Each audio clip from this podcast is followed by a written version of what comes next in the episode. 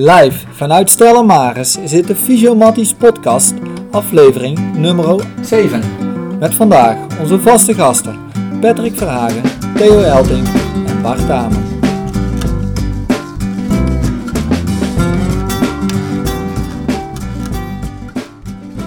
Hemenretter, door in één ruk, in één ruk. Wat is die Hemen sterk? Die heeft de hele dag mee in die Hemenretter in één ruk naartoe. Met Hemen en Boon. Maar die mag je meepakken. Tom blijft rijden. Hemen, Hemen pakt onmiddellijk op. Je sprint hier rijden. Je sprint hier rijden. Hemen pakt 5 meter. Hemen pakt 10 meter.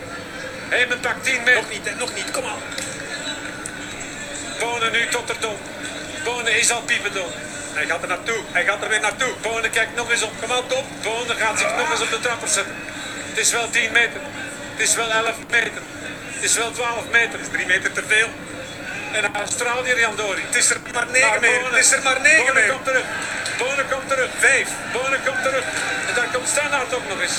Dit is het ideale scenario. Heyman gaat Stenhout ook nog eens. Heyman gaat tevreden zijn met die podiumplek. Kom maar, rijden, rijden, rijden. Dat wielrenners niet kleinzerig zijn, heeft Matthew Heyman zondag in Parijs-Roubaix weer eens bewezen.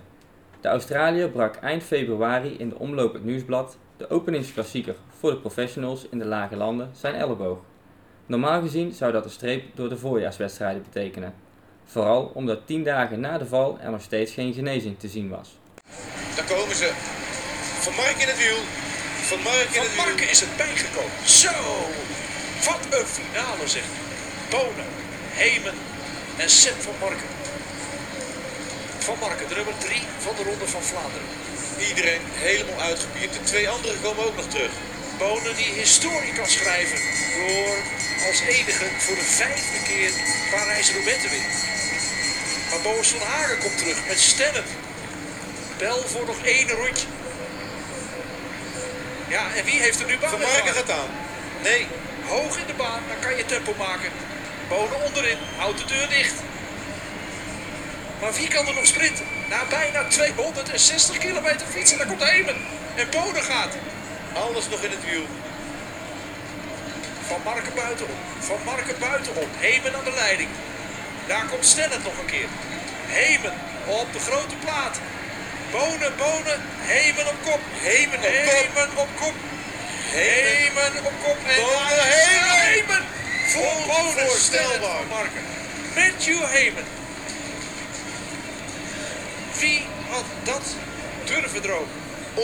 Onvoorstelbaar. Dat had niemand kunnen denken. Met deze koers, met dit koersverloop. Nou ja, eigenlijk hè, als je gaat kijken dan, Parijs-Roubaix is toch wel de ultieme test om te kijken van ben ik hersteld van zo'n radiusfractuur. Maar liefst 257,5 kilometer, gemiddelde snelheid ruim 43 km per uur, waarvan 52 kilometer ruim over de kasseien, verdeeld over 27 kasseistroken.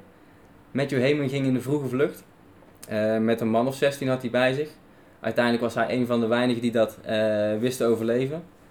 Kwamen ze samen in de kopgroep terecht met vier mannen nog bij. Eh, Bonen, Boos van Hagen, Ian Stannard en Sepp van Marken. Nou, dat zijn niet de minste. En uiteindelijk verslaan ze allemaal op de wielerbaan in Roubaix. Wat een fantastisch verhaal.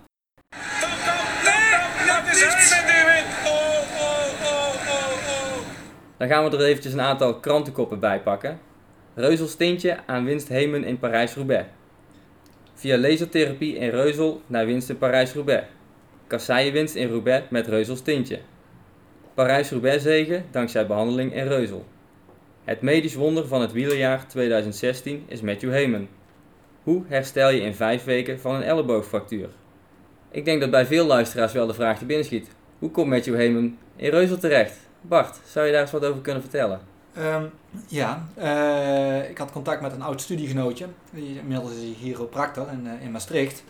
En die had eh, Matthew Heyman onder, onder behandeling. En die informeerde over onze nieuwe technieken bij Matthew Heyman. En zodoende heeft Matthew Heyman contact met ons opgenomen. Na zijn val, tien dagen na zijn val in het omloop van het nieuwsblad. En welke behandeltechnieken zijn er toen gebruikt tijdens zijn eh, behandeling hier?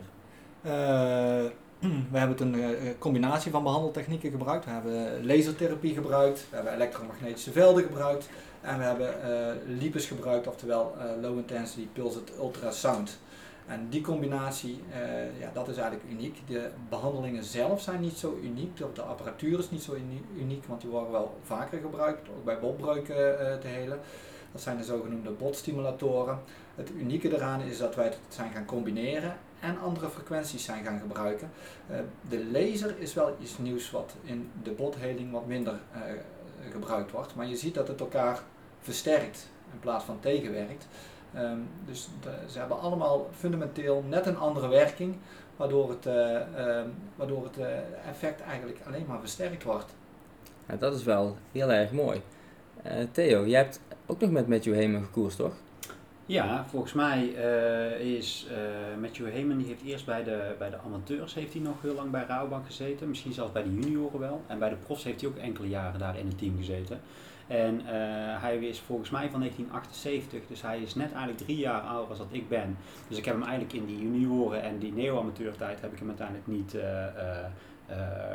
ge- gekruist, zal ik maar zeggen. Wat trouwens wel overigens een leuk weetje is, dat het een Australiër is en dat hij ooit eens Nederlands kampioen is geworden. Maar dat even terzijde. Eh, En bij de- belofte toch? ja, bij de belofte. Ja, ja, was volgens mij ergens in Limburg of zo. Maar echt super uniek dat dat nu gewoon, dat de regels zo waren dat dat kon, Ja. zal ik dan maar netjes omschrijven. En daarna bij de profs heb ik inderdaad, eh, ben ik ploegmaat eh, geweest van, van Matthew. Ja. Maar wat voor jongen was het eigenlijk? Eh, heel rustig, wel overwogen. Ehm, een beetje op zichzelf staand in de zin van, eh, eh, hij woonde in, dicht bij Lanaken, bij, bij, in België zal ik maar zeggen, dicht bij Maastricht. Gewoon een hele solide kracht waarbij je uiteindelijk een goede ploegmaat om te hebben, zal ik maar zeggen. Wanneer er aan Matthew gevraagd werd van nou wil je vandaag dit doen als opdracht, dan, dan deed hij dat ook. Hij had eigenlijk nagenoeg geen eigen agenda. Hij was echt in dienst van de ploeg. En ik denk ook wel dat, eh, dat hij daar heel erg eh, ongewaardeerd is geweest. En dat hij daarom zo lang heeft uitgezongen, zal ik maar zeggen. Matthew was helemaal geen veelwinnaar. Hij heeft helemaal niet veel gewonnen. Maar deze dag was natuurlijk was, ja, was, was, was een droom voor hem. En eh, voor ons misschien ook wel een, een droom, Bart, toch? Jazeker. Dit, ja, ehm, ja, dit, dit, dit verzin je van tevoren eh, niet. Nee. Hè? Want we zijn eh, eigenlijk begonnen op proef met die behandelingen. En de eerste behandelingen, mensen die we behandelden, die, dat waren vooral ehm, lost cases, zeg maar even eh, tussen aanhalingstekens. Daar wil ik mee zeggen, botbreuken die niet of nauwelijks wilden genezen. Dus die al maanden, al niet jaren geen botheling hadden. Die zijn we mee gaan beginnen. We hebben er vijf zijn we daar begonnen met deze therapie. En dat sloeg eigenlijk allemaal aan. En toen zijn we eigenlijk begonnen met de eerste eh, patiënten te behandelen. Of de eerste eh, verse fracturen te behandelen. Ehm, en de bedoeling was dat we daar eigenlijk onderzoek naar gingen doen. Maar ja, toen kwam het verhaal van Matthew Heyman. Dus die gingen we, onder- die gingen we behandelen. Ja, en eh 4,5 eh, week later eh, wint hij eh, wint hij Parijs-Roubaix. Ja, en dat, ja, toen ging, ging alles in een, Ja. eh, in, een, eh, in, een, in een vlucht. Eigenlijk een, een script wat je van tevoren niet kunt uitdenken. En wat in dit geval fantastisch was qua boost natuurlijk qua, qua, qua, qua bedrijf. Ja, dat verzin je niet. Hij, zoals je net al zei, hij, hij, eh, won nooit- een platte prijs. En nou wint Ja. hij notabene de, de klassieker der klassiekers. Ja. En, Ik, ik weet nog dat ik thuis zat te kijken. Ik zat op de bank en het was natuurlijk on- ongelooflijk. Hij zat natuurlijk eerst al in die lange ontsnapping en dat hij het eigenlijk nog vol kon houden. Ik weet nog dat volgens mij Bonen gedemoreerd was. En dat hij dus met alles wat hij in zich had nog counterde en meteen weer doorging. En eh, het was natuurlijk ultiem dat hij uiteindelijk nog die sprint wint van Bonen. Om, terwijl hij eigenlijk, Bonen zou volgens mij voor de vijfde keer eh, eh, in dit geval eh, Parijs-Roubaix. Parijs-Roubaix kunnen winnen. Dus dat was eigenlijk volgens mij een, een record of zo. Ja, die En- kon en- inderdaad recordhouder worden. En, Ja. en dat hij dan uiteindelijk hem daarvan die zegen afhoudt. Ja. En, ehm, ik kon er wel, ja, ik zat natuurlijk, was natuurlijk een juichen, dat snap je natuurlijk wel. Zelfs van de pool van afgelopen jaar, dat zijn dingen die je nu nooit meer vergeet. Maar, en, en, en jij, hoe, waar, waar was jij? Nou, ik was, ik was die dag een wedstrijd aan het rijden bij, bij, het, eh, bij onze vereniging Het Snelle Wiel in, eh, in Hapert. Op het baantje, dat was een mountainbike-wedstrijd. En de omroeper wist dat ik hem eh, behandeld had. En die riep iedere ronde van Matthew ligt eh, op kop, die ligt, zit nog steeds in de kopgroep. Ja, dus ik was achteruit aan het trappen in die wedstrijd, want ik was meer bezig met die wedstrijd van Dus je was eh, gewoon elke keer aan het luisteren wat hij aan het vertellen was. Precies, en toen was die wedstrijd afgelopen. Daarna gingen we met, met iedereen eh, die me- bij de organisatie van, van- de wedstrijd zat, gingen we, gingen we die wedstrijd kijken op een groot scherm. Ja, we zaten allemaal daar met een biertje in onze handen aan een groot scherm te kijken. En ja, je verzint, verzint het gewoon niet. Gewoon, hij rijdt in de kopgroep. En je weet van, ja, de breuk, ja, van dat, dat hij nog maar net genezen kan zijn. Hoewel hij de week van tevoren al twee andere koersen had gereden. Ja, dus dat ging, de week van tevoren was hij al helemaal wedstrijdfit. Want hij had toen in Spanje twee koersen gereden. Eh, dus, maar goed, die onzekerheid wist ik van tevoren, want ik had appcontact nog eh, met hem, ook de avond van tevoren. En, maar het voelde ontzettend goed aan, dat vertelde hij al. En dan zit hij notabene in de kopgroep, dus ergens heeft hem dat in zijn hoofd ook een eh, eh, verlichting gegeven. En ja, je, je ziet hem dan in de kopgroep eh, rijden en je weet gewoon, Bonen gaat winnen. Ja, hij is gewoon een strijkijzer, zeg maar. Dus ja, Ja, die gaat, zeker gaat het gewoon afleggen. Zeker toen die andere twee nog terugkwamen. Precies. En dan komt hij ook nog als winnaar over de finish. Ja, dan, ja, dan- ja, we stonden allemaal te juichen in de, in de clubgebouw van het Snelle Wiel. Eh, dat, was, ja, dat was fantastisch. Dat was echt eh, heel leuk. Ja. Ja, ik denk als je dit scenario eh, schrijft, hè, je, hè, met die vijf man gaan ze finale rijden, dat 99 keer wi- wint Bonen. eh, en, en, en één keer wint er iemand anders. En dat maakt het sprookje natuurlijk wel echt Ja. ontzettend compleet. Ja. Eh, en wat is er daarna allemaal op jullie pad gekomen eigenlijk? Ehm, ja, nou ja, goed, dat was best wel een spannende periode, zoals ik net al zei. We zijn begonnen eigenlijk met, met, eh, met vijf man. Ehm, en vooral om er ook onderzoek naar te doen. Maar dat onderzoek hadden we even nog niet gedaan. Dus we werden eh, door eh, journalisten gevraagd om, eh, om iets over te vertellen. We werden op tv gevraagd in praatprogramma's om er iets over te vertellen. En je wist eigenlijk nog niet zo heel erg goed wat je deed. Hè? Behalve dan dat, dat, dat het wel sneller leek te gaan, de botheling. En dat eh Matthew Heyman net een belangrijke koers had gewonnen. En dat we daar een aandeel in hadden. Ja, maar, eh, dus het was, het was ook wel een heel spannende periode. Want je, we moesten lezingen geven. We moesten eh, op een aantal tv-programma's eh, verschijnen. Je moest journalisten te woord staan. Ehm, en vervolgens kwamen natuurlijk ook aanvraag binnen van, van mensen die, die een opbreuk hadden en die er ook weer snel bovenop wilden. Denk aan, aan, aan topsporters. We zaten toen in het pre-Olympisch jaar. Ehm, dus er waren verschillende Olympiërs die eh, op tijd fit wilden zijn voor de Olympische Spelen. Ehm, zo kwamen er heel veel op ons af. Dus niet alleen topsporters, ook ondernemers, zelfstandigen, die, eh, die snel weer eh, fit wilden zijn om weer te kunnen werken. Wat heeft dat met jou gedaan, Bart? Dat je eigenlijk als het ware een soort van in het diepe gegooid werd daar? Ehm, je wordt heel innovatief. Ehm, we wisten dat het heel belangrijk was dat we toch nog onderzoek gingen doen. Du- dus we hebben, we hebben ook onderzoek gedaan. Maar op dat moment, toen ik daar in het diepe gegooid eh, werd, was het... ehm, ja, je leert wel heel snel denken. Dus je leert wel van... ehm, om heel snel innovatief te zijn en door te ontwikkelen, eh, zowel bedrijfsmatig als eh, bewustzijn van waar ben je mee bezig, lezen van artikelen en daar ging je je dag heel goed in, in, in indelen. Ja, dus dat was ehm, eh, een hele bewuste periode. Ja. Vond je dat ook niet lastig? Hè? Want je hebt waarschijnlijk geen, geen mediatraining gehad en je eh, krijgt in één keer allerlei vragen over behandeltechnieken die in de, in de geneeskunde nog, nog niet helemaal onderbouwd zijn, eh, waar nog niet iedereen helemaal achter staat. Hoe, Mhm. hoe ben je daarmee omgegaan? Ehm, ja, goede vraag. Ehm, vooral, eh, we hebben eigenlijk de evidence-based practice omarmd. Hè? Dus eh, evidence-based practice wil zeggen, ehm, je, je, eh, studie- je, je, je doet literatuuronderzoek. Wat is er bekend? Hè? En over de botstimulatoren was al heel veel bekend. Hè? Over de low intensity pulsed ultrasound. Dus ultrageluidtherapie bij, bij botbreuken. Maar ook de elektromagnetische velden was al heel veel over bekend. Er waren ook al gerandomiseerde studies eh nagedaan. Dus die hebben we allemaal geordend, die studies. Eh, dus dat was onze evidence, zeg maar, waarin we opbouwden. Over lasertherapie was iets minder eh, over bekend. Ehm, maar ook dat zijn we gaan verzamelen. En daar zijn we, eh, hebben we onze behandeltechnieken op aangepast, zeg maar, over wat er bekend is vanuit de literatuur. Vervolgens, eh, die techniek komt niet van ons af. In, Engeland is er al iemand die er 40 jaar mee, eh, mee werkte, Brian Simpson. Daar zijn we eigenlijk met z'n allen naartoe gevlogen en daar hebben we heel veel van geleerd van hem. Daarnaast hebben we natuurlijk ons eigen sausje erover gegooid door continu een leerproces eruit te halen. Dus we zijn ehm, eh, heel systematisch zijn we literatuuronderzoek eh, gaan doen en we hebben alles hebben, eh, geregistreerd. Daarnaast zijn de pa- patient values, hè, de, de waarde van de patiënt, wat hij zelf merkt, dat hebben we ook allemaal geregistreerd. Hè. Dus is het je waard geweest? Eh, wat voelde je na de behandeling? En heeft het gebracht wat je, wat je hoopte dat het zou brengen? Ja, dus dat, dat was wel een hele belangrijke. Van, eh, eh, ehm, eh, Een belangrijk meetinstrument is gewoon de patiënt zelf, hoe tevreden is, is hij.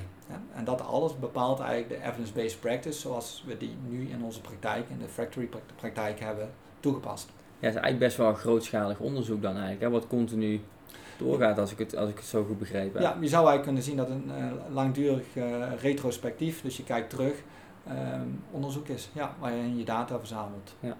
Daarnaast hebben we, uh, um, hebben we ook een, echt een literatuuronderzoek gedaan die wij mogen publiceren. Um, een systematic review met meta-analyse. En Theo hiernaast heeft een, een, een, case study gedaan naar, naar het verhaal van, van Matthew Heyman. Ja, zou je daar eens wat meer over kunnen vertellen, Theo? Hoe dat je dat toen uh, gedaan hebt, eigenlijk, jouw onderzoek? Um, het was eigenlijk in mijn periode, in mijn uh, bijna doodervaring uh, met school. Ik zat in mijn, mijn, mijn laatste gedeelte van school waarin ik ging afstuderen, waar in dit geval gevraagd werd om, een, om eigenlijk een case report te maken over een NS1-studie. Um, uh, in dit geval van tevoren had ik ook al stage lopen bij Bart, dus was ik ook al betrokken geweest met, het, met, met eigenlijk de behandeling van Matthew. Nou, het feit dat ik hem persoonlijk nog kende was natuurlijk een, een extra sausje dat het ook voor mij makkelijker maakte om erbij te zijn. Um, daar hebben we uiteindelijk dan in dit geval de, de, de, studie. Hè. Ik, heb, ik heb dit als onderwerp gekozen en het werd goedgekeurd door, uh, door school, zal ik dan maar zeggen. En we zijn daar verder in gaan, gaan duiken. Dus heb ik uiteindelijk gewoon puur met Matthew uh, als uh, NS1-studie zijn we hem gaan volgen. We zijn gaan kijken van, nou goed, wat, is er, wat, hebben we nu gedaan? Wat zijn er nu de, de meetbare dingen die eruit gekomen zijn? Wat zijn de resultaten? Wat hadden we eventueel nog beter kunnen doen in het onderzoek, zal ik dan maar zeggen. Ja, en als je, als je ziet ook naar, naar, naar de tijdsspannen waarbij het gaat, waar het allemaal zich afgespeeld heeft, werd er van tevoren eigenlijk bepaald van, nou dat duurt zes tot, tot eigenlijk acht weken met return to activity, zal ik maar zeggen is dat hij, dat, hij, dat hij eigenlijk pas kon rijden, zal ik maar zeggen, na acht weken. Nou heeft hij natuurlijk tussendoor heeft hij op de roller gezeten en is hij nog actief eh, gebleven. Maar uh, dat heeft nog zijn conditie op, op peil gehouden, zou ik maar zeggen. Maar daarna de eerste meting, zoals er uiteindelijk gedaan was, was er eigenlijk nog, dus na tien dagen nadat de breuk, was er eigenlijk nul zichtbaar. Dat wil niet zeggen dat het er ook daadwerkelijk niet is, hè, want het is uiteindelijk een, een, een beoordeling van een foto. Um, maar vervolgens gingen we dus uh, behandelen en na twee behandelingen, dus eigenlijk na één week na, na, na dat eerste dingetje, was hij bijna eigenlijk volledig, of eigenlijk volledig geconsolideerd, vastgesteld door een arts, ja, niet door ons, maar door gewoon een arts. Er was in één week tijd van eigenlijk nagenoeg geen botgroei die er hoogstwaarschijnlijk alvast wel iets geweest zal zijn, uh, na volledige consolidatie. Nou, die man die stond met zijn ogen te klapperen. En uh, die heeft toen uiteindelijk ook tegen Matthew gezegd van nou, als het zo goed gaat en zo goed voelt, dan mag je in dit geval ook al gaan, gaan trainen. Dus die is buiten gaan trainen. Een week later is er volgens mij nog een foto gemaakt die gaf ja, dezelfde uitsluitsel, zal ik maar zeggen. En toen hebben ze meteen besloten om die twee wedstrijden te gaan rijden. Die wedstrijden zijn goed gegaan. Dus Matthew heeft zichzelf in training gehouden door uh, indoor te trainen. Volgens mij misschien wel op Zwift. Maar, uh, was ja, hij zat toen zijn gipsen arm zat hij toen op zijn ja, keukentrapje. Ja. Zat hij achter, uh, achter Zwift zat hij, zat te, hij te, trainen. trainen. in zijn garage. Ja. En nadat hij dan die eerste wedstrijden doorstaan had en dat het dus goed ging, volgt er dus in ieder geval die Parijs-Roubaix, waarbij je in ieder geval zelf al zei dat er 53 kilometer over kasseien gereden worden. Dus als er één ultieme test was, zou ik bijna zeggen, is, is dat het wel. En uh, ja, dat, dat, dat is ook naderhand wel heel mooi qua onderzoek om dat uh, in dit geval hebben te mogen vastleggen. Uh, en ja, je komt uiteindelijk tot wel heel mooie, mooie resultaten, wat uiteindelijk ook weer aansluit op hetgene van wat, uh, wat, wat Bart dan eigenlijk in het groot gedaan heeft. Hè, want die heeft al die onderzoeken bij elkaar genomen. En voor mij was het dan persoonlijk puur alleen die ene persoon die ik eruit gelicht heb. Ja, ja want het is best wel een groot verschil. Hè? Je geeft eerst aan hè, van 6 tot 8 weken uh, return to activity.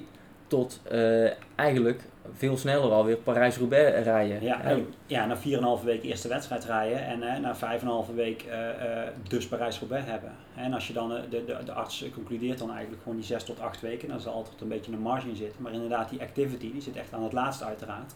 Uh, dus ja, dus was echt wel een enorme vooruitgang. Ja. En als we dan gaan kijken naar, naar de doelgroep die er uiteindelijk al binnenkomt, is, sport, is, is topsport een gedeelte, uh, pre-Olympisch jaar. Uh, wanneer je uiteindelijk twee of drie weken kan winnen op een, op een botbreuk, is dat natuurlijk goud waard. Hè? Want dat bepaalt uiteindelijk, doe je mee in een wedstrijd of doe je niet mee voor een wedstrijd.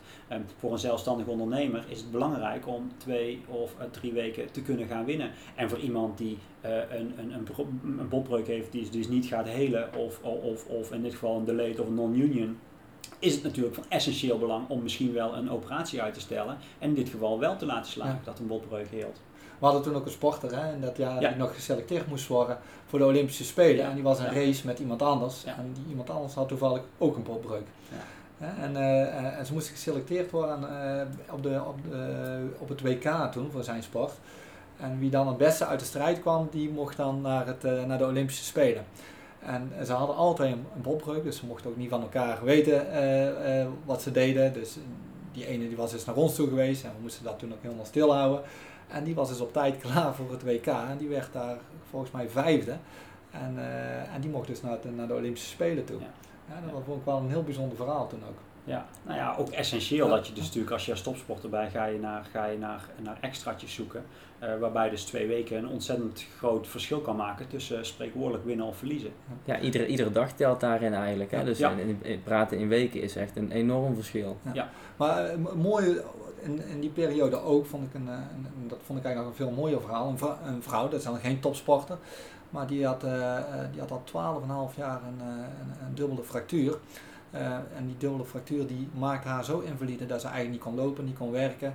Ehm, en dat gaf ja, enorme beperkingen voor haar, haar gezin. En die heeft al interne operaties gehad, eh, plaatfixaties, bottransplantaties, niks werkte. Ehm, en die zijn we naar de rand ook gaan behandelen. Ehm, en ook als la- last cases, zeg maar, eh, de laatste hoop een beetje, zijn we die gaan behandelen. En die, die is na een paar maanden, zat er het bot weer helemaal aan elkaar. En ja, die heeft haar leven teruggekregen. En dat is natuurlijk een enorme impact voor haar, voor haar gezin. Ehm, ja, dat, dat is eigenlijk nog een bijna een mooier verhaal. Dat is geen verhaal waarmee je de krant haalt. Maar dat is wel een verhaal waar je iemands leven mee teruggeeft. Ja, dus als je gaat kijken naar kwaliteit van leven, als je eerst niet, niet kunt lopen en, en je kunt in één keer daarna wel weer veel meer, ja, dat, dat kan me voorstellen dat dat zo'n enorme impact heeft op, op, je, Ja. op al- alles wat je, wat je doet en wat je kunt. Ja, ja. ja dus eh, we vergeten vaak dat de 5 tot 10 procent ligt eraan welke, welke breuk we te hebben. Dat er gewoon een, eh, een, een delayed of non-union on- ontstaat. Dus we willen zeggen, een botbreuk, die, we gaan er maar vanuit dat die vanzelf herstelt, maar dat is niet zo. Eh, niet alle eh, fracturen, zoals botbreuk dan noemen, geneest. En, eh, en ook daarvoor kunnen we juist iets, iets betekenen. En juist daarvoor is het wel heel meetbaar. Ik, ik snap dat het wel lastiger meetbaar ooit is van ja, of het nou zes weken duurt, of acht weken duurt, of twaalf weken duurt.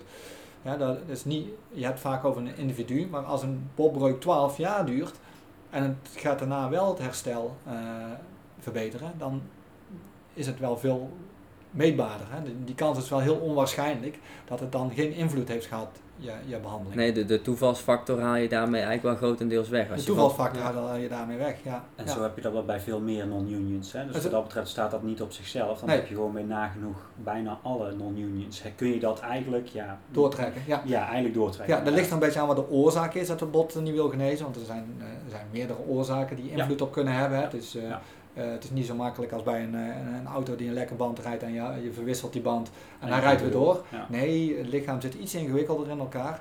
Ehm, dus je kunt niet alle oorzaken kun je beïnvloeden. Dus dat is wel een, eh, dat halen we wel een beetje uit ons vraaggesprek.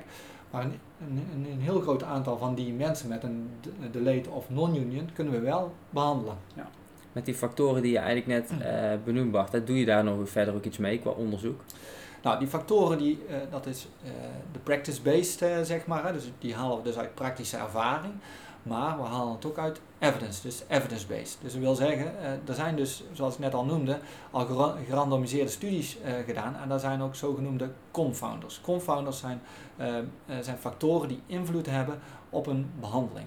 Denk bijvoorbeeld aan roken heeft een grote invloed op het herstellend vermogen van iemand. En heeft ook een grote invloed op het herstellend vermogen van een botbreuk.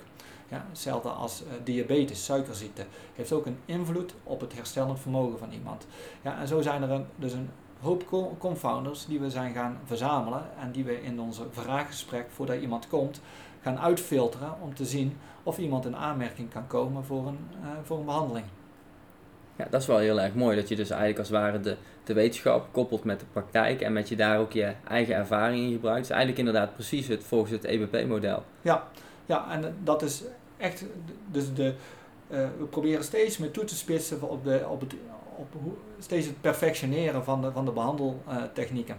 Ehm, ja, dus eh, dat, dat, dat is een continu verbeterproces die we hier eh, uitvoeren.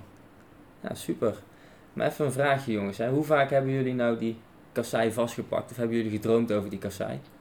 Nou, ik droomde er vroeger niet op hoor. Heb je hem ooit gereden trouwens? Nee, ik heb, hem, ik heb hem nooit gereden. Ik zou hem één keer als amateur, zou ik, eh werd ik eigenlijk eh, bijna geselecteerd, maar gelukkig van tevoren dus niet. Ik, Nee, natuurlijk 55 fanta- kilo. Nee, het is een fantastische wedstrijd natuurlijk. Hè. Leuk Ja. om naar te kijken, hè. maar eh, weet je naderhand hoezeer jouw hol en jouw handen doen. En daar word je echt niet blij van. Hè. Nee. En eh, nee, ik had hem wel eigenlijk, want omdat ik een veldachtergrond heb, had ik dat dan wel leuk gevonden. Je ziet ook echt dat sommige veldrijders daar echt goed in Ja. terugkomen, omdat ze gewoon wat handiger zijn, zou ik maar zeggen. Eh, maar heel simpel, ik woog op dat moment 56 kilo. Ehm, ja, dan kun je uiteindelijk gewoon geen vermogen. Het is gewoon simpel wattage wegtrappen op, op zo'n op zo'n kassei. Je start er alle kanten op. Ja, dus had ik, eigenlijk- was ik sowieso kansloos. Ik had best wel een keer mee willen doen om, voor de ervaring. Maar Maar jouw fiets eh, moeten verzwaren. ja, ik zou ongeveer gewoon zwaar. Ja, maar dan reed ik nog langzamer. Eh, maar ik zou altijd kansloos geweest zijn voor wat dan ook. Maar ja, het is, het is natuurlijk wel een, een, een, een, een fantastische wedstrijd. eh, zeker om voor de buis te zitten. Eh, Vooral als het een beetje slecht weer slash stofhappen is. Ja, dan uh, ik denk dat iedereen daar wel, al wielerliefhebber daar heel erg graag naar kijkt. Nou, ik heb mijn eigen, eh, dat heb ik natuurlijk vanmorgen niet tegen jullie verteld, maar heb ik mijn eigen ingebeeld dat ik eh, met jullie af moest gaan sprinten eh, om die kassei te kunnen winnen. Eh, dus we waren vanmorgen aan het fietsen en ik had in mijn hoofd, nou, ik moet deze, de- deze moet ik winnen. Dit is mijn enige kans om die kassei te pakken. En eh, in mijn achterhoofd had ik ook nog eh, hetgeen wat, wat Matthew Heyman eigenlijk zegt, hè, always keep riding. Hè, dus niet opgeven, volle bak blijven gaan. En ik ging, ik ging aan en ik dacht, oh, dit, dit kan hem wel eens worden. Maar komt die Dekselse Theo er toch weer overheen. Hè?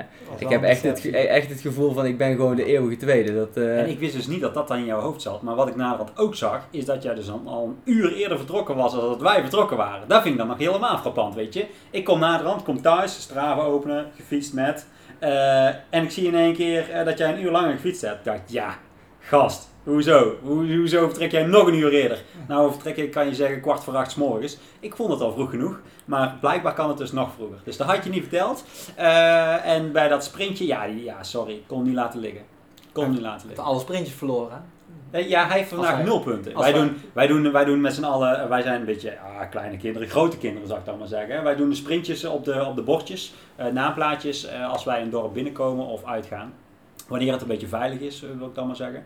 Ehm, dus doen we afsprinten en dan proberen we eh, ja, gewoon simpelweg eh, de meeste punten te scoren. En bij die laatste sprint hadden we eigenlijk vroeger gezegd, van, ja, moeten we een optelsel maken van nou, wie hebben nou uiteindelijk het, eh, het meeste, eh, of eigenlijk het minste gewonnen Dan gaat het om de knikkers. dan gaat het om een kop koffie. Ja. Ja, diegene die dan het minste hebt, dan moet je een kop koffie hebben. Maar ik, ik weet de stand niet meer van vroeger. Ik weet wel dat hij na vandaag weer op 1, voor mij dus, Dit jaar weer op één.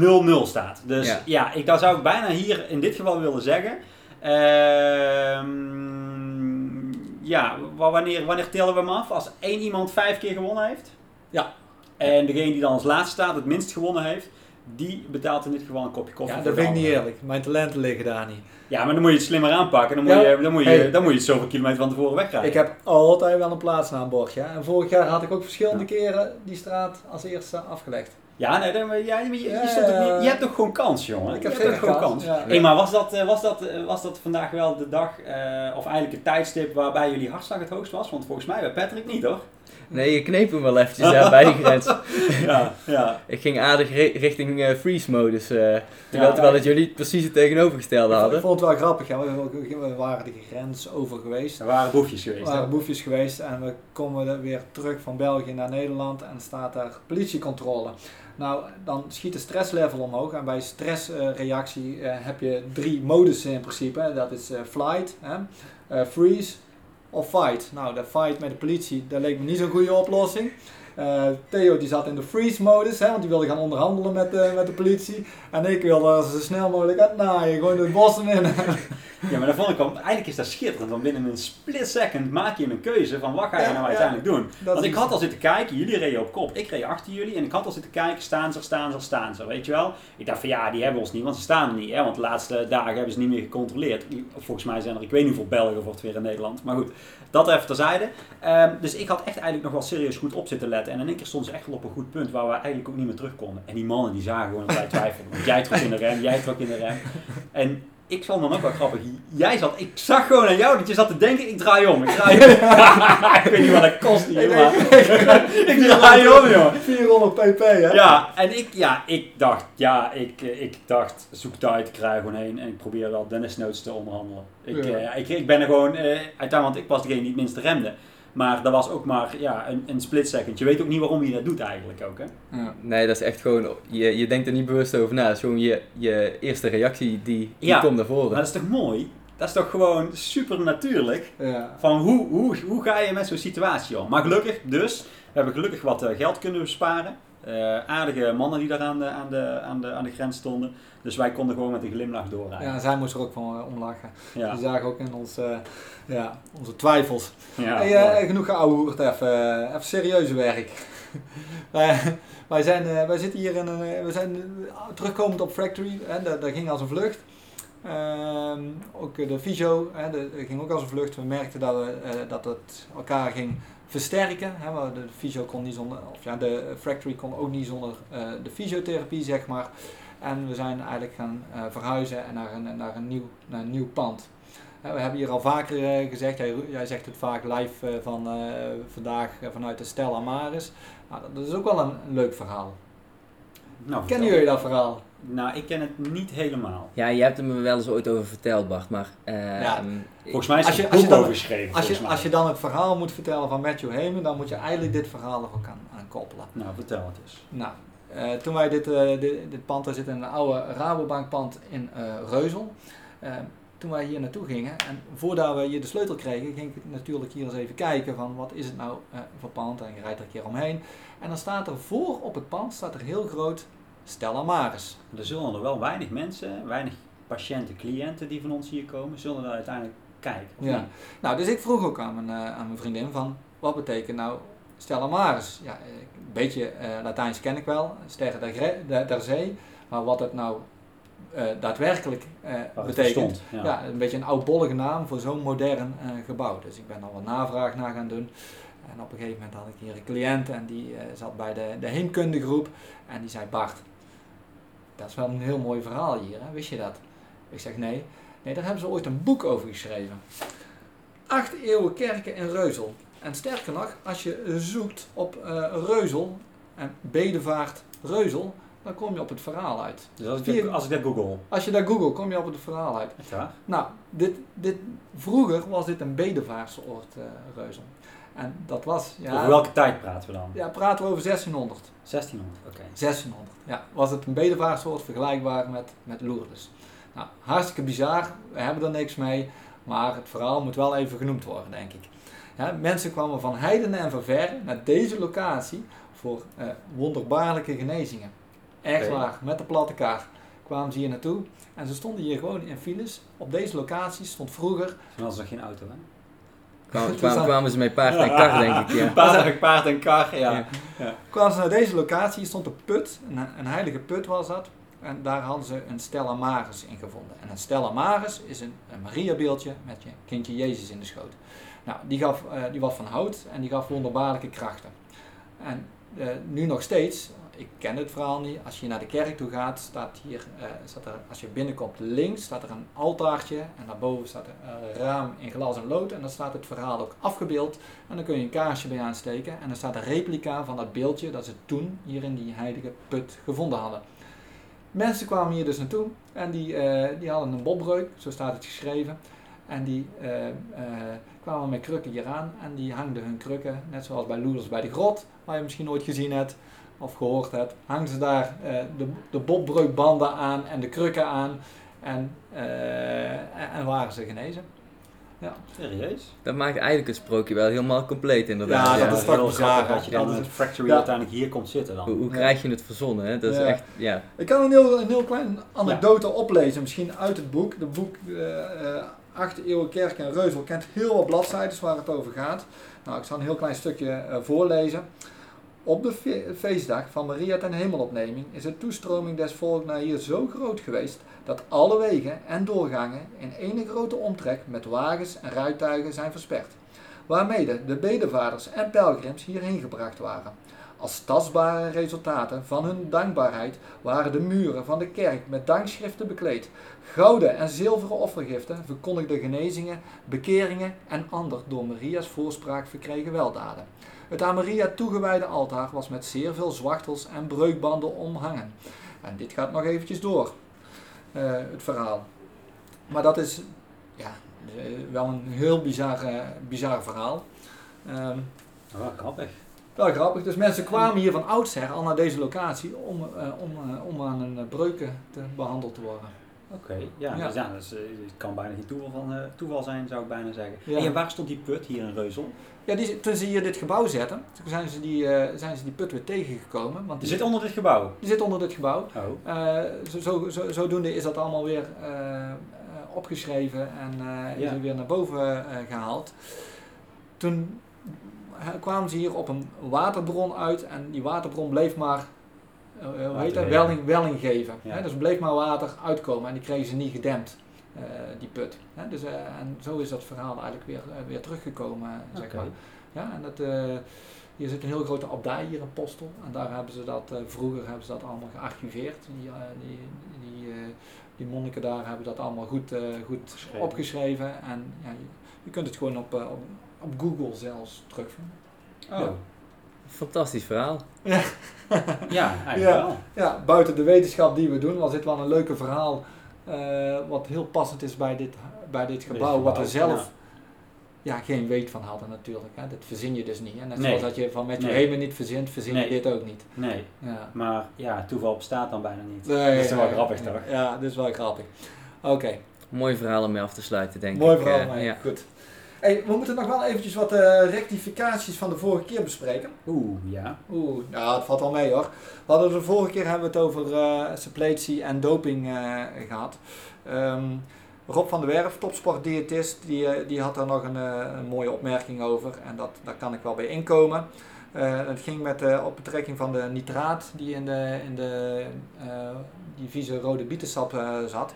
Er werd toen verteld hè, door ons van dat, dat er net zoveel nitraat in rucola en spinazie zit. Dat is misschien ook wel zo.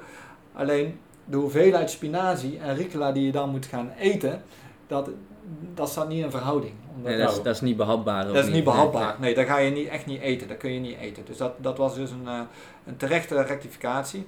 Ehm, dus eh, ja, verder eigenlijk. eh, Die, Geen rectificaties. waar is die bietensap gebleven? Die heb je natuurlijk opgedronken, Bart, of niet? nee, die staat volgens mij nog in, de- in, de, in de koelkast. Ja, ja, oh. Ja, Nou, dan zullen we maar weggooien dan. Ja, oké, dan gaan we afsluiten jongens. Eh, rectificaties of opmerkingen of tips mogen gestuurd worden naar info.fysio- en sportrevalidatie.nl. Ik zou zeggen bedankt heren. Ja, tot de volgende keer maar weer. Ja, tot de volgende. Tot de volgende. Oké.